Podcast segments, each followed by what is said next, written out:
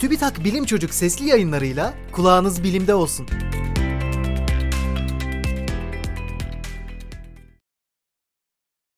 Türkiye'de 3000 yıl öncesine ait kayıp dil bulundu.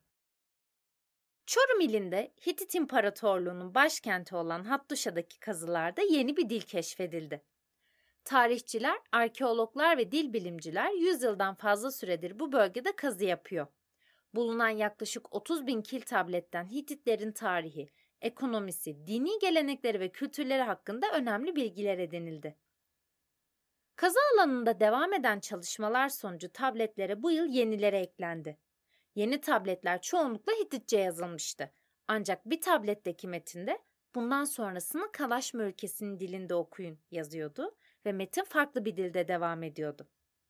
Kalaşma ülkesinin Bolu Gerede dolayında yer alan Tunç çağının sonlarında yaşamış bir toplum olduğu düşünülüyor.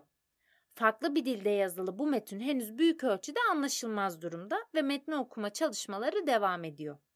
Yeni keşfedilen kil tabletin fotoğrafları ise büyük olasılıkla metin çözüldüğünde yayımlanacak.